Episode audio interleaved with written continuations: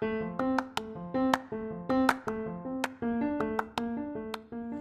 halo, selamat datang di Pokalis Podcast of Al Kausar Islamic School.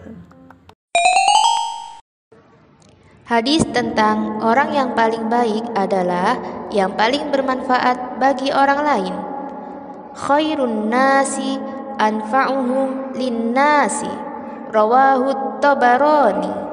Artinya, sebaik-baik manusia adalah yang bermanfaat bagi orang lain. Hadis diriwayatkan oleh At-Tabrani.